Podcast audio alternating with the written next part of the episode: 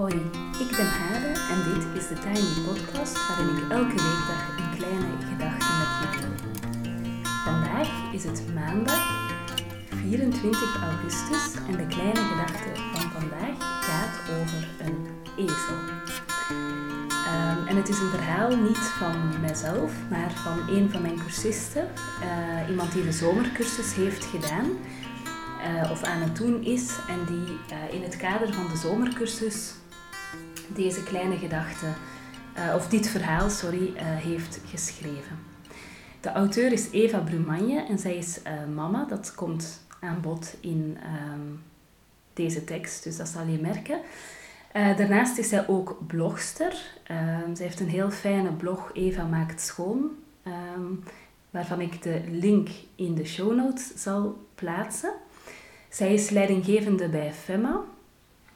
Um, daarnaast is zij uh, een van de meest creatieve mensen die ik ken, die altijd in is om andere vrouwen te steunen uh, en te empoweren. Dat vind ik echt een ontzettend mooie kwaliteit van haar.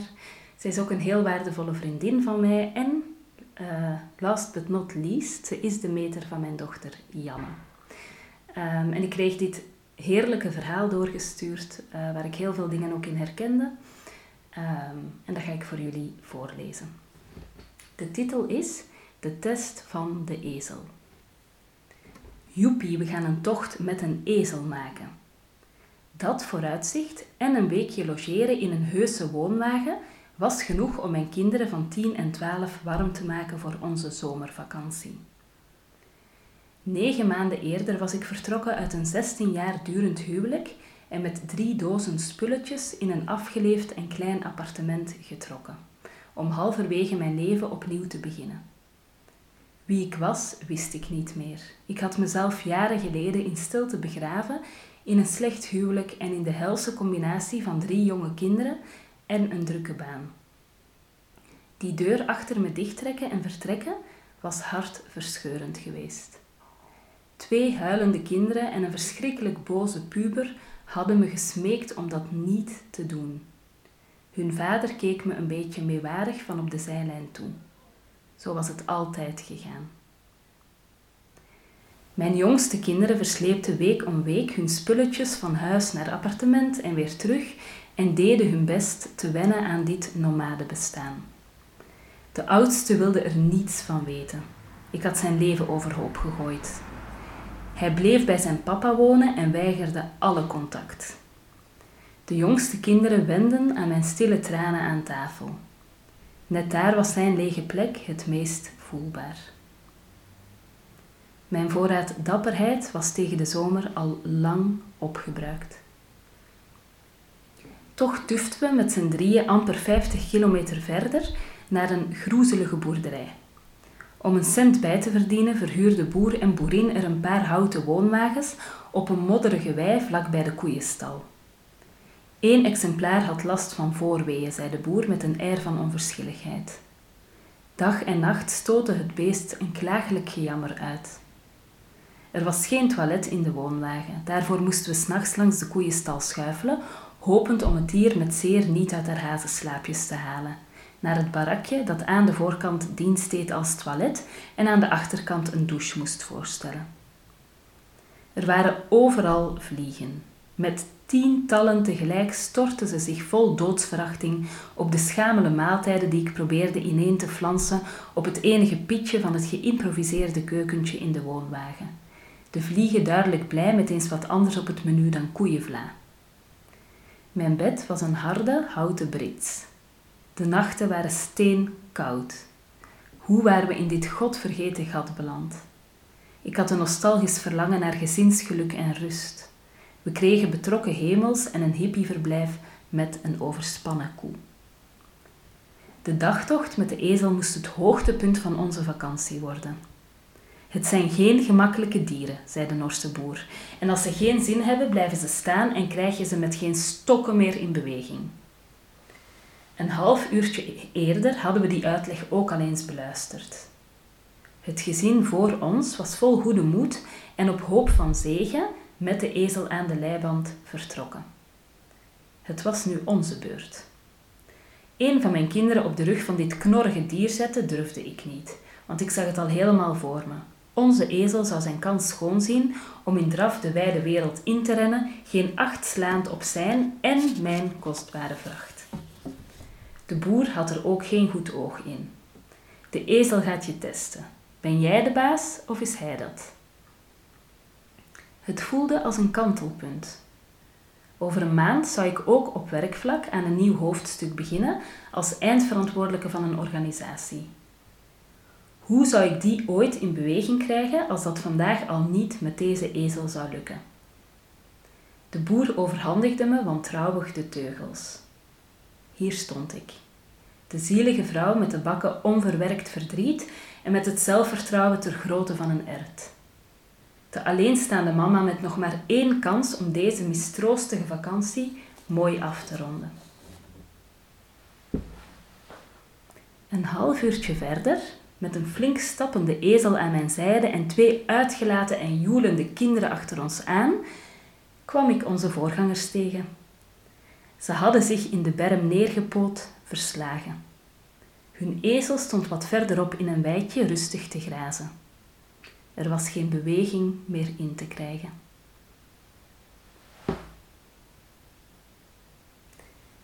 Dat was het verhaal van Eva en ik moet mezelf even inhouden om niet luid te gaan applaudisseren. Um, ja, ik vind het een prachtig beeld wat ze hier oproept. Uh, ik zie haar gewoon zo door die velden wandelen met die ezel aan de hand. En ik denk dat uh, wat ze hier in dit verhaal toont, dat dat ook echt geldt Um, of dat haar, ja, dat dat haar ook echt typeert in het echte leven als leidinggevende, als mama uh, en als vrouw die echt haar eigen keuzes durft maken en daar ook anderen in kan meenemen. En tegelijkertijd ook nog de ruimte heeft om um, anderen te steunen. Want uh, Eva is iemand die mij in dit hele project van um, starten als zelfstandig ondernemer altijd ontzettend aangemoedigd en gesteund heeft, tot en met ook een beetje uitgedaagd soms. Als ik uh, dreigde wat te blijven hangen in twijfel, dat zij ook een beetje de uitdaging van de situatie.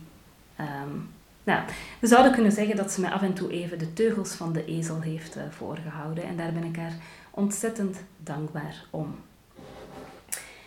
Voilà, dit was de Tiny Podcast voor vandaag. Ik heb uh, ook weer even wat om te vertellen.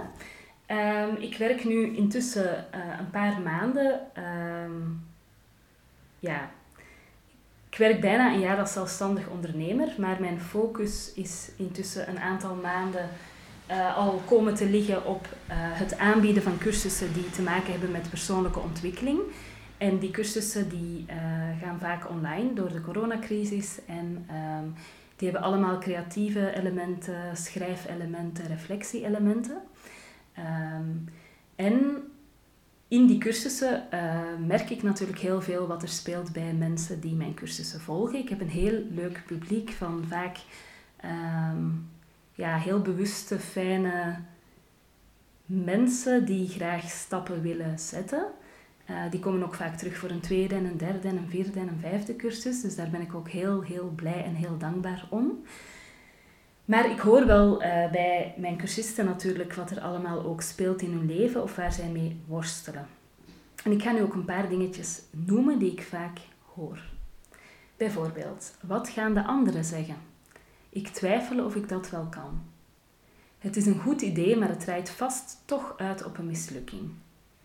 Of mensen gaan mij niet serieus nemen, dus ik kan er beter niet aan beginnen. Ik ben er nog niet aan toe. Ik moet eerst nog een opleiding volgen, maar daar heb ik nu geen middelen voor, dus jammer. Of het is niet combineerbaar met mijn huishouden, mijn kinderen, mijn baan, mijn relatie enzovoort.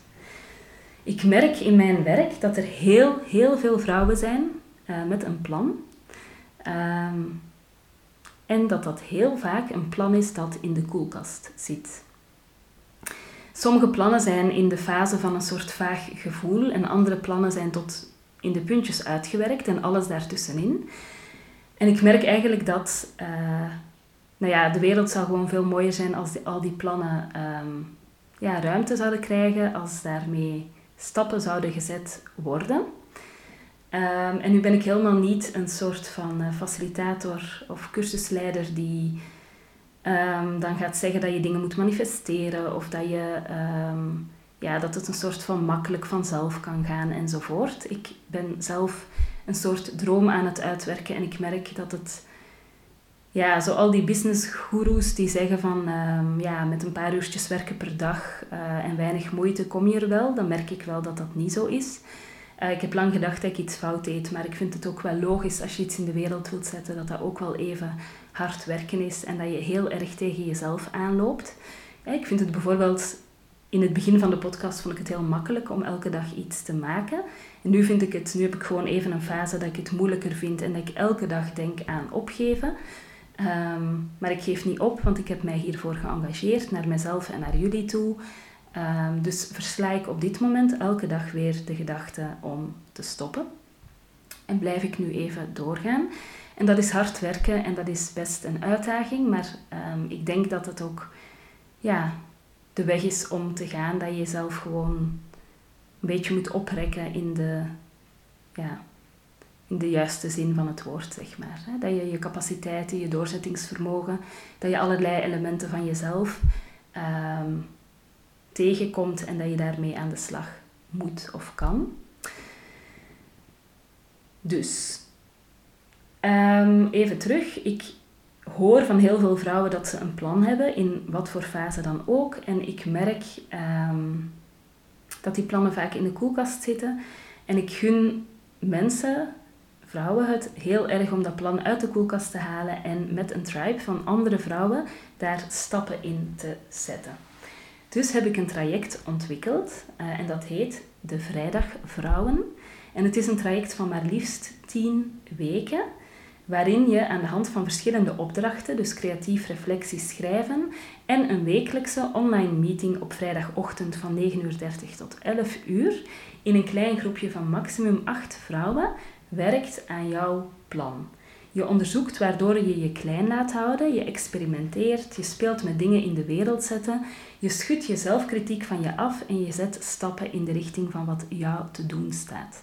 En daarbij zijn er drie centrale principes, namelijk holding space, dus echte aandacht geven aan elkaar, geen ongevraagd uh, advies of tips. Keeping Secret, wat uh, de vrijdagvrouwen met elkaar bespreken, blijft onder de vrijdagvrouwen. En ook Sisterhood, een soort onvoorwaardelijke verbondenheid met en tussen vrouwen in het traject. Nu is dit geen cursus die ik zomaar open wil stellen, uh, waar iedereen zich zomaar in kan storten. Uh, dus ik heb besloten dat het een cursus blijft met een gesloten um, ook omdat er maar, zeven men, of maar acht mensen aan boord kunnen, heb ik besloten dat het een cursus wordt met een gesloten inschrijving. Um, dus als het, als het je wat lijkt om deze cursus te gaan, uh, aan te gaan, sorry, die begint op 2 oktober. Um, of ja, in de week van 2 oktober is het dan. Dan mag je mij een mailtje sturen met een paar zinnen, een klein paragraafje, mag ook veel meer zijn, heel welkom. Um, waarom je graag wil deelnemen. Um, en dat is niet om een soort test uh, te doen of een soort van toelatingsdrempel, maar omdat ik heel graag wil starten vanuit echt contact. En ik wil heel graag jouw verhaal kennen. Dus ik wil niet zomaar die cursus vullen, maar ik wil heel graag heel erg vanuit echt contact uh, beginnen.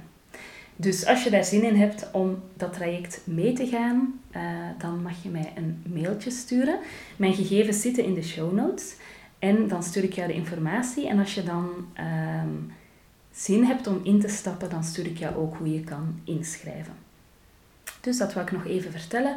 Vond ik wel iets dat goed paste bij het verhaal van Eva uh, en de ezel, de test van de ezel. Voilà. Um, dit was de Tiny Podcast voor vandaag, die alweer toch niet helemaal zo tiny is gebleken. Je kan me volgen op Instagram, TheTinyPodcast. En je helpt me door deze podcast wat sterretjes te geven op iTunes, een review achter te laten en of hem door te sturen aan iemand anders die er misschien graag naar luistert. En ook als je een vrouw kent die uh, mogelijk interesse heeft in de vrijdagvrouwen, waarvan je denkt van, goh, het is echt tijd voor die vrouw om daar... Uh, ja, stappen in te zetten om een plan uit de koelkast te halen. en met die tribe van andere vrouwen daarin uh, in beweging te komen, dan mag je natuurlijk ook altijd deze podcast even doorsturen aan die persoon in kwestie. Dankjewel om te luisteren en heel graag tot morgen.